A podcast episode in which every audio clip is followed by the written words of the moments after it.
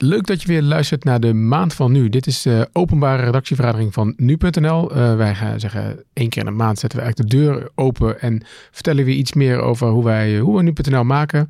Wat erbij komt kijken, welke keuzes we, we maken. Uh, mijn naam is Gertja Broekman. Ik ben de hoofdredacteur van nu.nl. Welkom bij de maand van nu.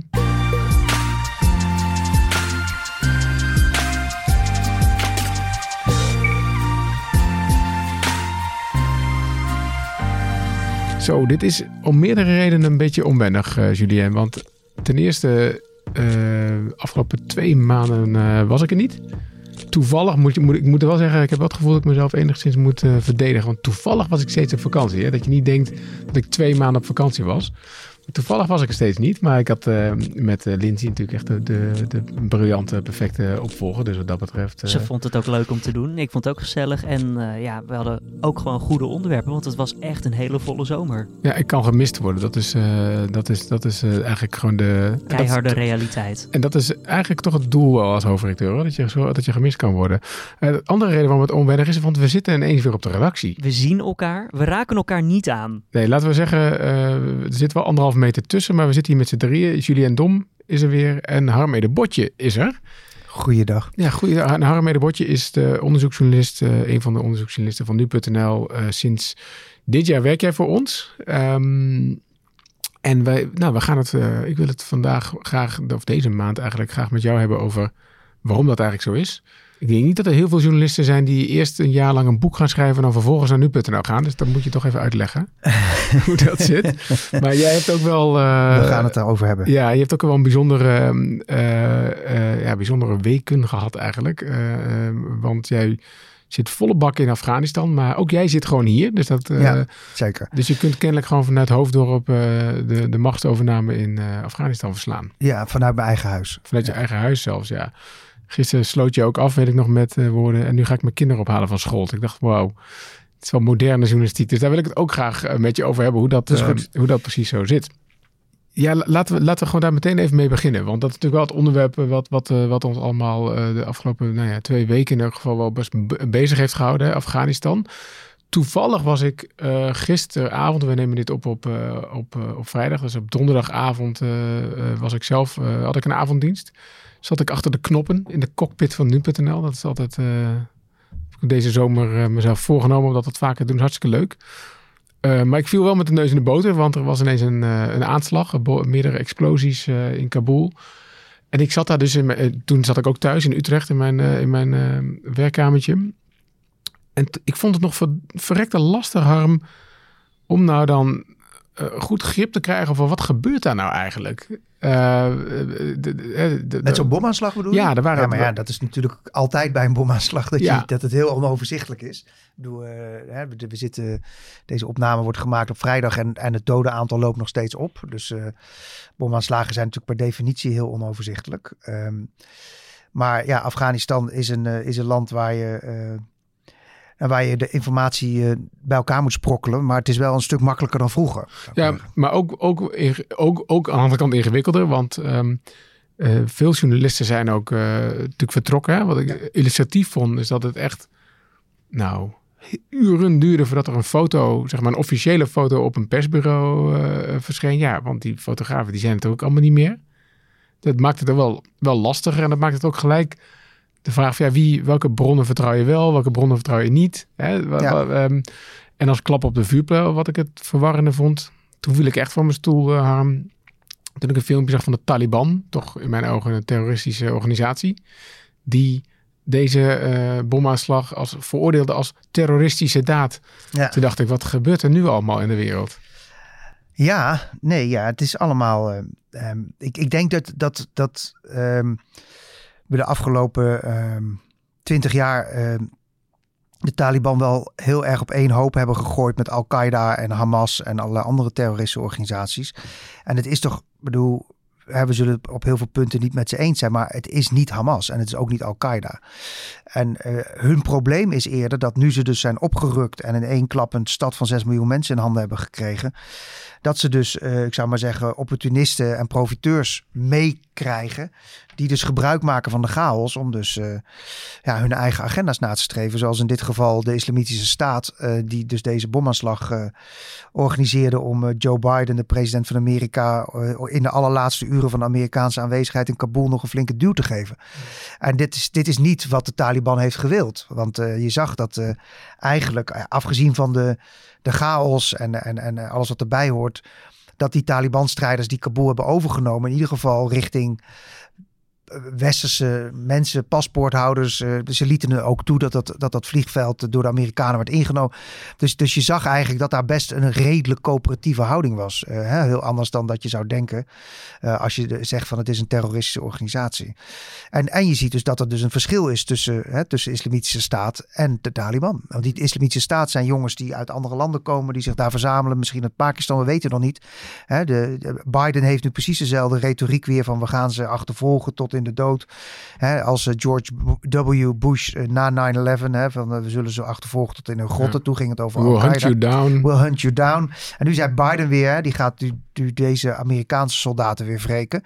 Dus we zullen voorlopig nog als speciale commando-eenheden in Afghanistan actief zien met instemming van de Taliban om dit dus gewoon op te ruimen. Ja, misschien moeten we even luisteren naar wat hij gezegd heeft. To those who carried out this attack, as well as anyone who wishes America harm, know this we will not forgive. We will not forget. We will hunt you down and make you pay. Ik wil even, uh, um, denk ongeveer twee weken terug met jou in de tijd. Want jij, ja. toen kwam jij ook terug van vakantie. En toen was er ineens uh, deze enorme uh, toestand in, in Afghanistan. Toen zei jij, uh, zal ik hier eens opduiken? Uh, want dat, eerlijk gezegd, dat wist ik helemaal niet hoor. Twintig jaar geleden, toen werkte jij voor Vrij Nederland. Toen, toen heb je ook verslag gedaan van, van Oersgan en de toestand oh, daar. Ja, ja. Ik, nou ja, ik ben in 1996 voor de eerste keer naar Afghanistan gegaan. met Jan Pronk, de toenmalige minister. En toen hebben we een rondreis gemaakt. En sindsdien ben ik er denk ik een keer of vijf terug geweest. De laatste keer in Oeruzgan in 2005. En 96, help me even herinneren, volgens mij was de Taliban toen ook aan de macht, toch? Nou ja, dat was een heel speciaal jaar. Uh, de Taliban had toen al de uh, Zuid-Afghanistan in handen. Was eigenlijk vanuit het niets aan het oprukken vanuit Pakistan. Uh, had Zuid-Afghanistan in handen. Op het moment dat ik daar kwam, hadden ze net de. Inmiddels weten we veel meer van Afghanistan dan toen de westelijke stad Herat veroverd. Dat was net, net daarvoor gebeurd. Zonder slag of stoot overigens. En eh, we vlogen toen ook naar Kabul. En daar zat toen op dat moment nog de Noordelijke Alliantie. Maar de Taliban zat in de bergen daaromheen. En een paar maanden later zouden ze Kabul daadwerkelijk gaan innemen. Dus uh, ik, ik heb toen ook nog een interview gedaan met de toenmalige president Rabani van de Noordelijke Alliantie. Die daar toen nog in zijn paleis zat.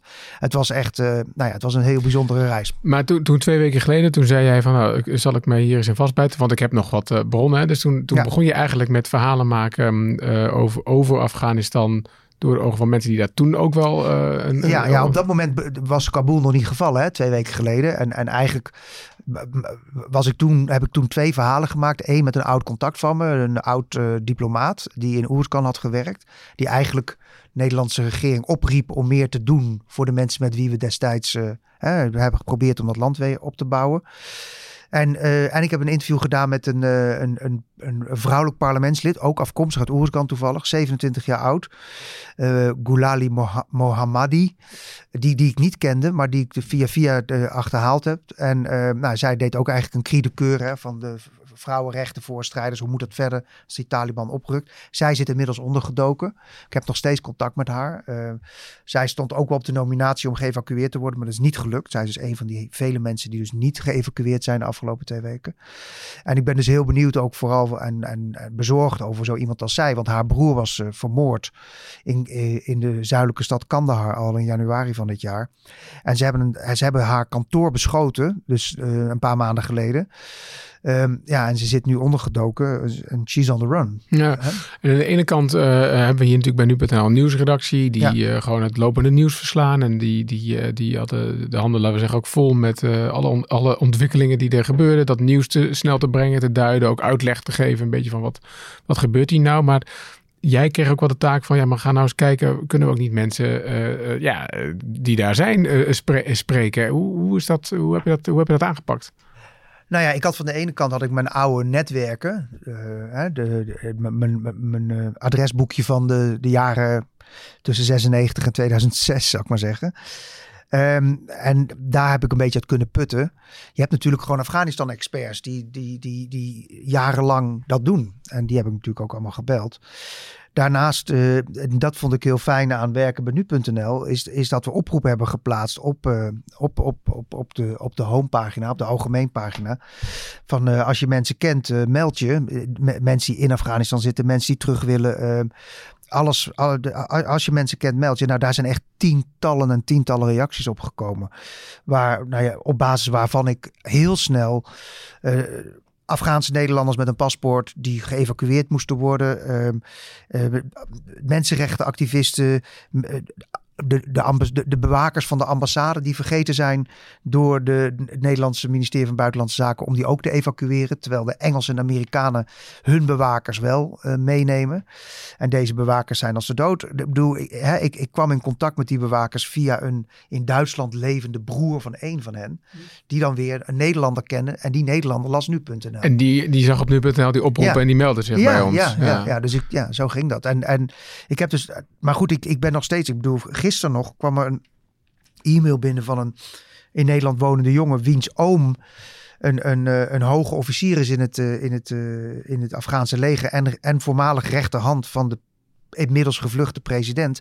Ja, die oom was een zeer machtig man. Zijn vijf bewakers zijn doodgeschoten. Die oom is op de vlucht met veertig van zijn familieleden. En uh, moeten ze hopen dat hij het te levend afbrengt. Want hij heeft overal geprobeerd asiel te krijgen, maar nergens gekregen. Kun, kun jij... Ehm, zeg maar voor de mensen die naar deze podcast luisteren, een beetje een beeld schetsen van wat is nou het, grote verschil tussen nu deze toestand verslaan en, en toen de toestand verslaan? Nou ja, er zijn een aantal echt in het oog springende verschillen. Uh, het eerste is natuurlijk dat we tegenwoordig in Nederland en überhaupt in West-Europa, door al die banden die de afgelopen twintig jaar zijn ontstaan, heel veel Afghaanse Nederlanders hebben die heel erg uh, goed Nederlands spreken. Dus de, daarmee is, is voor het grote Nederlands publiek, hè, als je bij talkshows kijkt, daar zitten gewoon Afghaanse Nederlanders die prima kunnen vertellen hoe het zit. Nou, twintig jaar geleden waren er nul mensen die konden vertellen, hè, behalve uh, mensen uit Leiden, de Universiteit Leiden, die misschien Afghanistan-expert waren. Maar voor de rest had er helemaal niemand ooit iets te vertellen over Afghanistan. Er waren misschien zes. Hè. Dat is één. En al die mensen hebben natuurlijk netwerken. Dus de verhalen vanuit Afghanistan komen sneller hier naartoe. Daarbij komt dat we natuurlijk door de social media en door communicatiemiddelen die zo zijn verbeterd, je veel makkelijker contact legt met mensen. Hè? Ik bedoel, uh, dat, dat fragment wat we hier in, de, in deze podcast laten horen, uh, dat is opgenomen door een 16-jarig meisje uit Rotterdam die daar de HAVO doet en die bij ons een dagboek heeft eh, verzorgd de afgelopen weken. We zijn bij de ingang aangekomen voor de militairen, Amerikaanse militairen. Maar het is zo druk en er wordt zo vaak geschoten.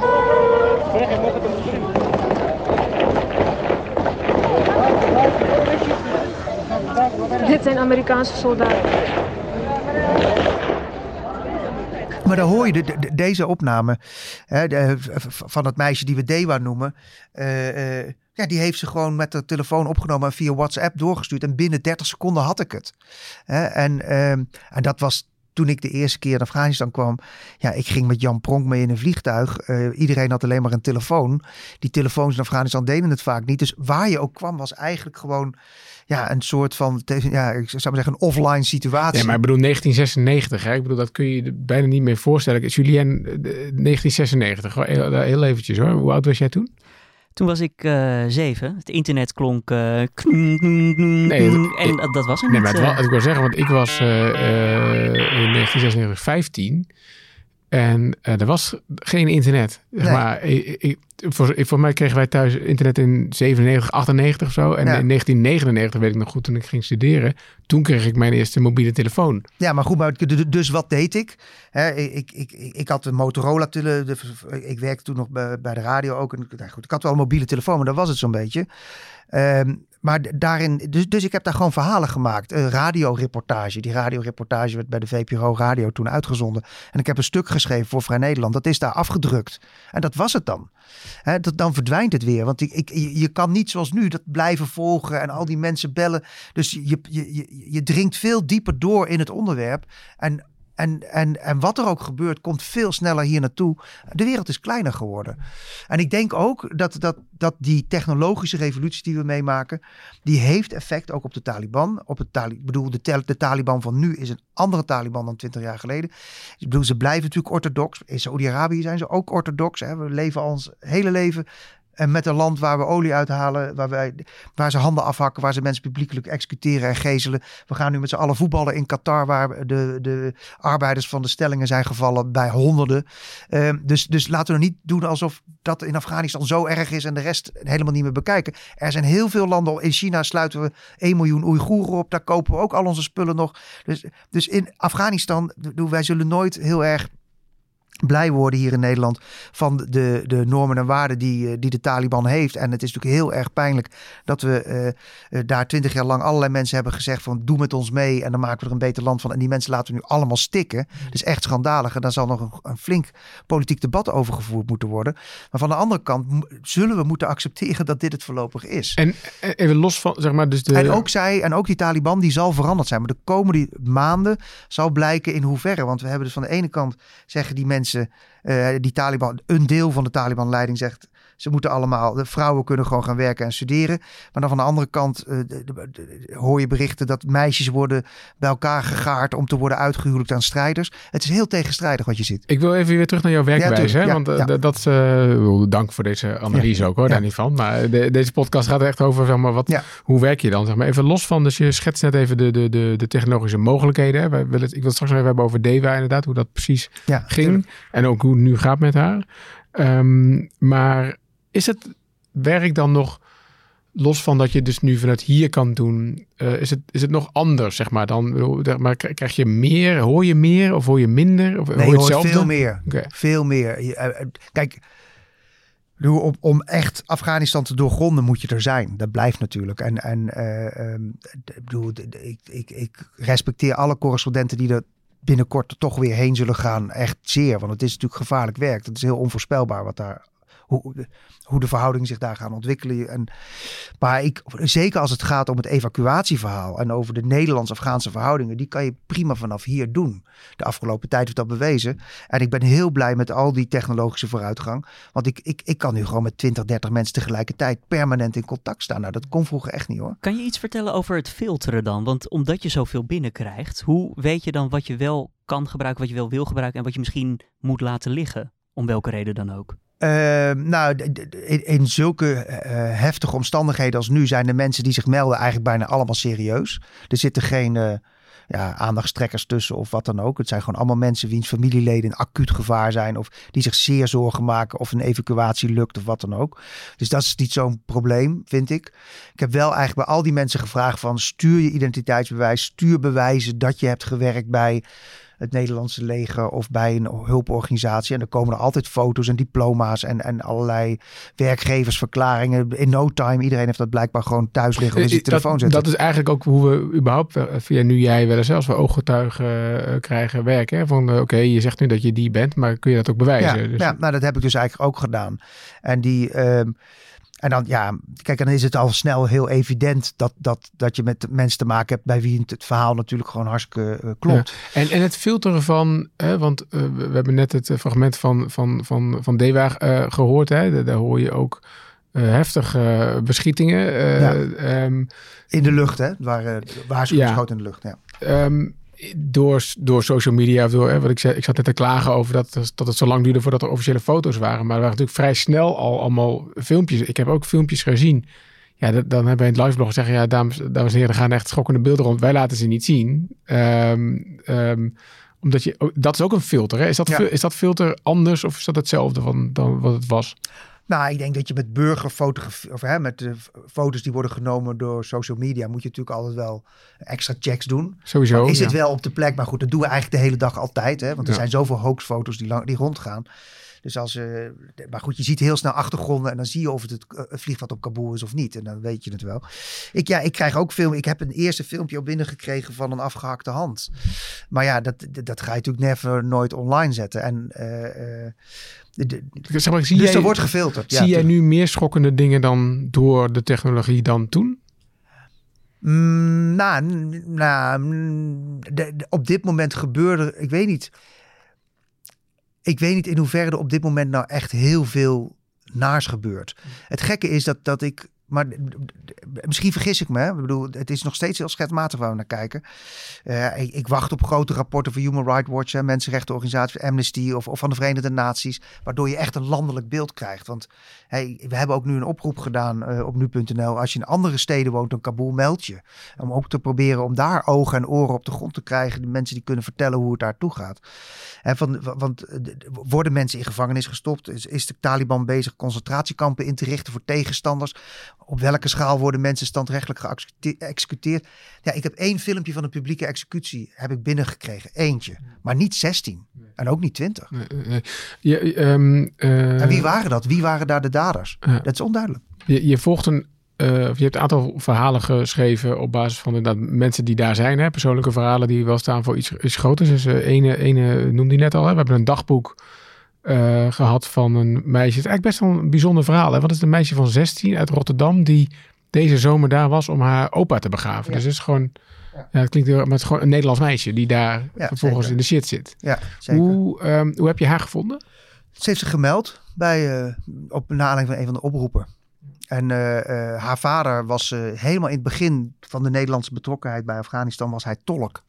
Maar al lang niet meer en woont ook al lang in Nederland. Dus eh, hij is niet iemand die die tolkenregeling valt. Maar hij was toevallig tolk in 2002 toen we net eh, de allereerste missie in, uh, in, in Afghanistan hebben gedaan. En ja, zij reist af en toe naar Afghanistan toe. En haar opa was inderdaad overleden. En, en ze zijn dus hun rouw komen betuigen. Die over, uh, islamitische traditie was natuurlijk al lang begraven. Maar de betoon je, betoon je rouw en, en ook meteen een familiebezoek. En nou ja, zij kwamen dus in de problemen en uh, ze meldden zich.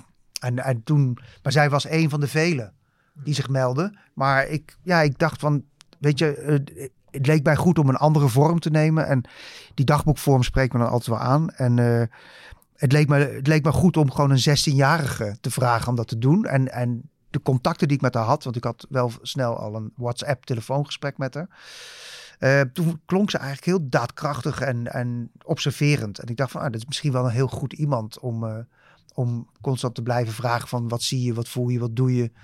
Waar ga je heen? Waar kom je vandaan? Uh, hoe, voel, ja, de, hoe spannend is het? Ja, ja, en daardoor kreeg je, dat vond ik heel mooi aan, want wij hebben er best, best wel eens even discussie over gehad op de redactie. Van ja, moeten we zo'n persoonlijk verhaal op die manier brengen? Hè? Dat is niet iets wat, uh, wat we heel vaak doen eigenlijk. Hè? We zijn vaak wat zakelijker en nuchterder. Het en bericht. Ja. Het bericht en de uitleg daarbij of zo. Maar wat ik hier inderdaad heel mooi aan vond, is dat je daardoor dat hele grote wereldverhaal ineens heel klein maakt. Van, ja. Uiteindelijk, ik heb best wel geregeld um, aan haar gedacht van de week, weet je wel. Dat ik dacht, God, hoe zou het met haar zijn? Hè? Want uh, en, wat zou zeggen? Toen ging ik zelf op Google Maps kijken van nou, als je dan niet naar het vliegveld kan gaan, ja, waar zijn er dan nog meer vliegvelden en hoe kom je daar dan? Hè? En ja. uh, wat zou ik doen? Maar ik kreeg heel veel reacties van lezers, dus blijkbaar uh, spreekt het toch aan, raakt het mm. lezers. Kan je vertellen wat dan? Ongeveer? Nou ja, van hoe is het met er? Hoe kan het nou dat er geen. Kijk, en als je zegt dagboek, dan denkt iedereen elke dag. En uh, als je niet heel erg verdiept in de situatie, denk je, oh ja, ik kan toch gewoon elke dag een dagboek schrijven. Kom, ik wil meer of zo. Terwijl de, de, de, realiteit is, er is geen lektietijd, beltegoed raakt op.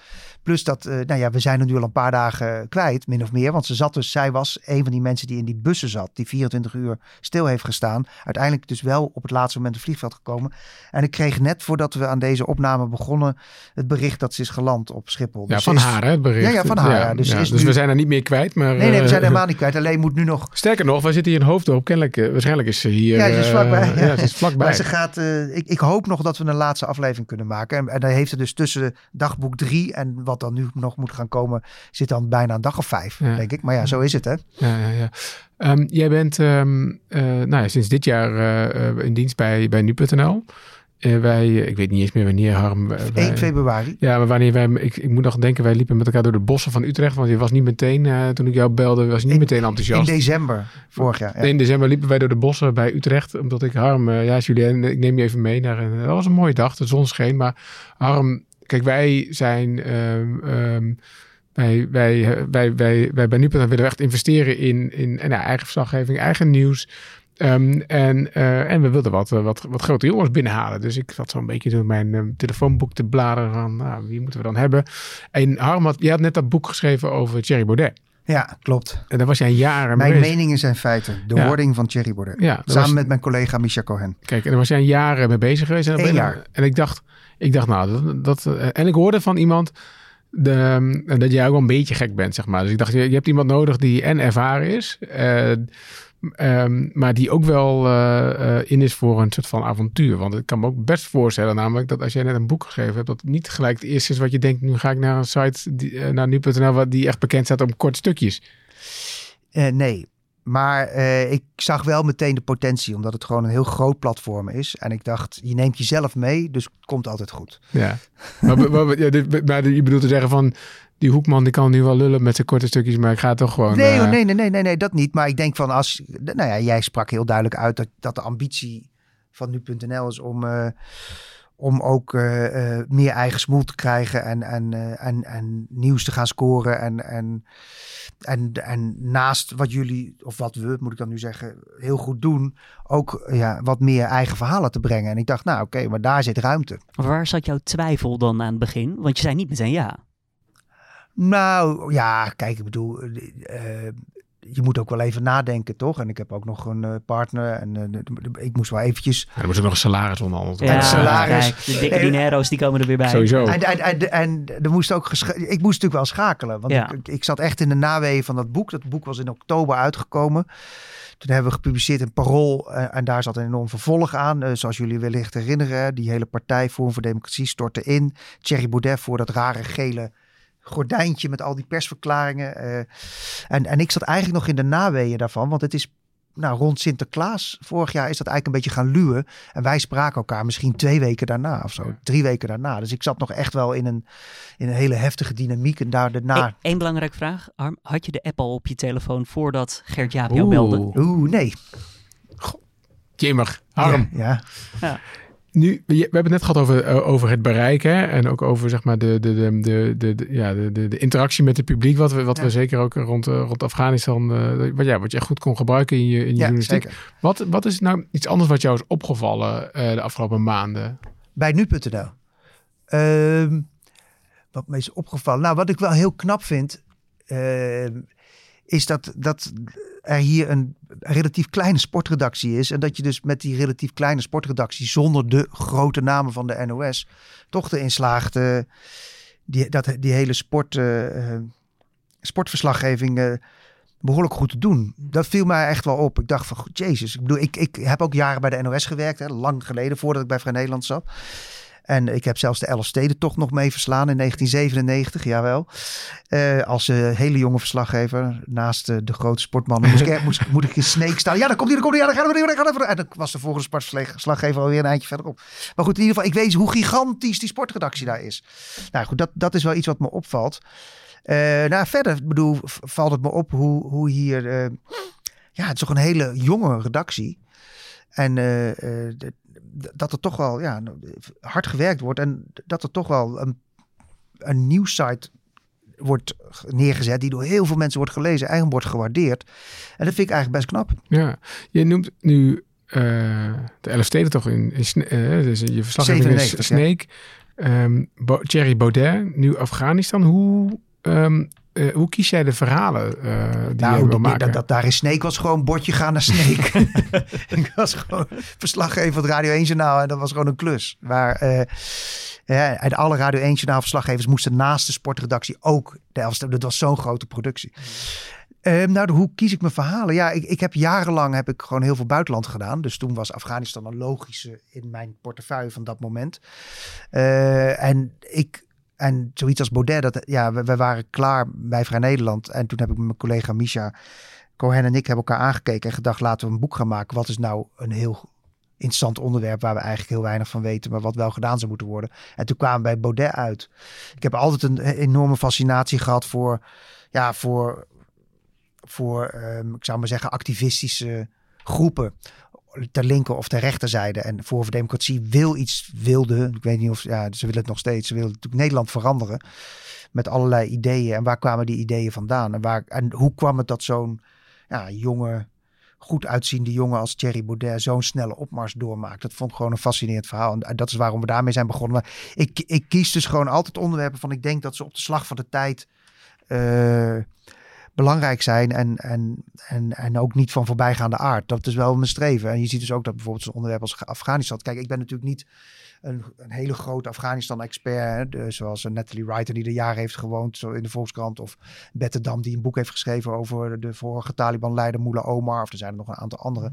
Maar goed, ik heb toch wel als verslaggever mijn, mijn rol gespeeld, zou ik maar zeggen. waarom ben jij de journalistiek, waarom, waarom ben je journalist geworden?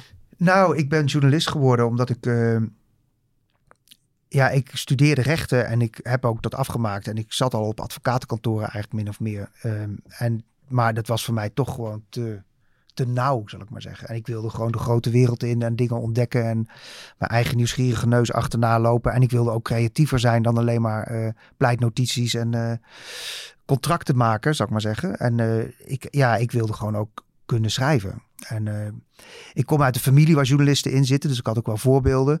En uh, ik dacht van ja, maar nu moet ik gewoon breken met, met mijn het spoor wat leidt tot een advocatenkantoor. En toen heb ik gewoon radicaal een andere stap genomen en ben ik een postdoctorale opleiding voor journalistiek gaan doen. Want uh, als er in jouw familie journalisten zaten, waarom was er dan iets dwars in jou die zei van nou, ik ga niet, de niet meteen de journalistiek in, ik ga eerst dat zijpad naar, naar rechten? Rechten studeren, ja. Nou, ik vond de school voor journalistiek, dat vond ik geen aantrekkelijke propositie in 1983 eh, toen ik begon met studeren.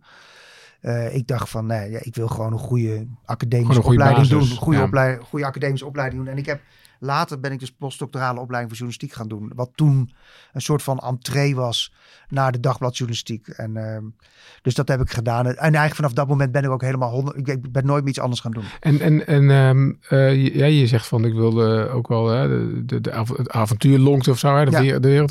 Maar wat, wat wil je dan mee bereiken met, met wat je doet? Nou, of wil je er iets mee bereiken? Of nou, in het, nou ja, in het begin was ik natuurlijk gewoon wilde ik de wereld ontdekken. Dus ik, mijn eerste klus toen ik postdoctorale opleiding voor journalistiek afhad was standplaats Sri Lanka. Vier maanden voor de VPRO Radio met een ervaren collega Finike Diamant naar Sri Lanka toe. Nou, dat was echt fantastisch. Ja, toen had ik nog niet echt een doel. Ja, tegenwoordig uh, ja, is je doel natuurlijk toch ook ja, alle klassieke clichés die je kan verzinnen. Hè? Komt van het, komt van de democratie? Of een stem geven aan mensen die geen stem hebben. Of het uh, controleren van de macht. Nou ja, datzelfde als komt van de democratie. Um, um, en en ik denk dat, dat, dat, zijn natuurlijk mijn drijfveren uiteindelijk. Dus als ik nu ook hè, mensen die achterblijven in Afghanistan, die, die wel op evacuatielijsten staan, maar niet meekomen, ja, die mogen niet vergeten worden. Ik denk dat wij daar als platform ook een rol in hebben te spelen. En, en als het uh, Afghanistan-beleid uh, van een regering waar dus nu heel veel kritiek op is, ja, dan vind ik dat we dat goed moeten volgen. Van wat is daar misgegaan? Net als de toeslagenaffaire. Bedoel, er zitten ook, hè, er zijn heel veel mensen die worden vergeten of die worden platgewalst. En, en, en het is altijd de taak van journalisten om, om daar het licht op te laten schijnen. Wat is de belangrijkste les die jij, journalistieke les die jij geleerd hebt in je carrière? Oepsie doepsie. Uh, wat mijn belangrijkste les? Nou, om altijd alles dubbel te checken. Ja? Dit klinkt alsof uh, uit ervaring. Nee, natuurlijk. Ik bedoel, uh, ik, bedoel uh, nou, ik, ben, ik heb nooit grote kwesties gehad in, in mijn journalistieke carrière. Maar ik heb wel ja, dat je in je haast toch nog altijd moet blijven nadenken van klopt het wel, klopt het wel, klopt het wel, klopt het wel. En uh, ik heb één keer een verhaal gemaakt waarbij ik dus uh, op het moment dat ik dat verhaal aan het afronden was, door iemand werd geroepen naar een ander onderwerp waar ik aan een scherm schoof om dat verhaal af te maken. Toen is mijn verhaal door de eindredactie gegaan. Ik had het niet gedubbelcheckt en ik zat toen wel fout. Mm.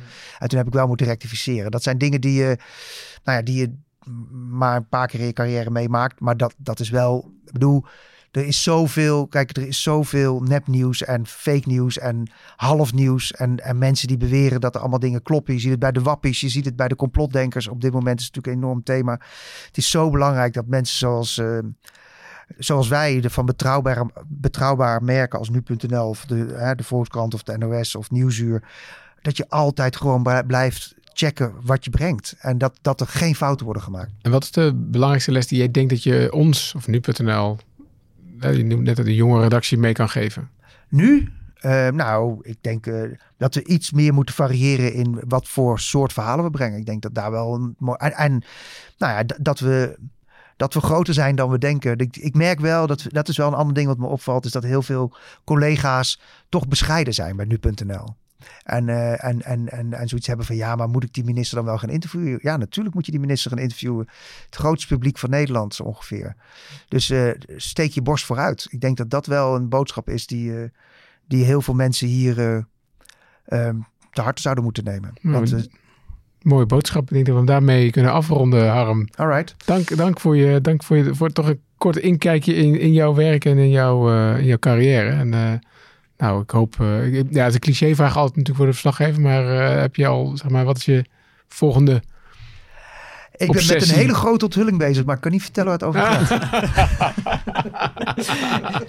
Goed zo, houd Binnenkort zit hij weer in de maand van nu. Uh. Ja, sowieso. nou, dank daarvoor Jullie en jij ook super bedankt. Jij bedankt Gert-Jaap weer. Jij, en, en, jij vooral bedankt voor het, voor het luisteren naar deze, deze podcast, de maand van nu. We zijn er gewoon volgende maand weer. En wie weet dat we dan weer één redacteur in, het, in de spotlight zetten. Of dat er iets anders gebeurt. Dat is natuurlijk het mooie van het vak. Dat weten we nog niet.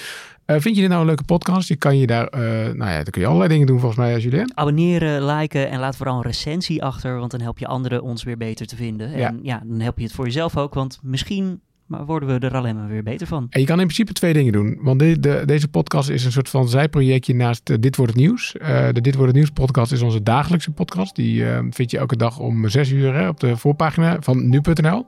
Nou, daar kun je hem gewoon aanklikken uh, als je wil. Uh, maar je kunt hem ook volgen. Dan moet je even naar Spotify of naar podcast-apps die je gebruikt. Weet ik veel welke er allemaal zijn. Zoek je even op Dit Wordt Het Nieuws. Uh, klik je even op volgen of abonneren. En dan krijg je hem elke dag gewoon netjes in je, in je app. En dan krijg je deze er als een soort van gratis toetje bij. dus ik zou zeggen, geniet daarvan. Doe dat. En dan hoor ik je, of dan hoor je mij volgende maand weer. Tot dan.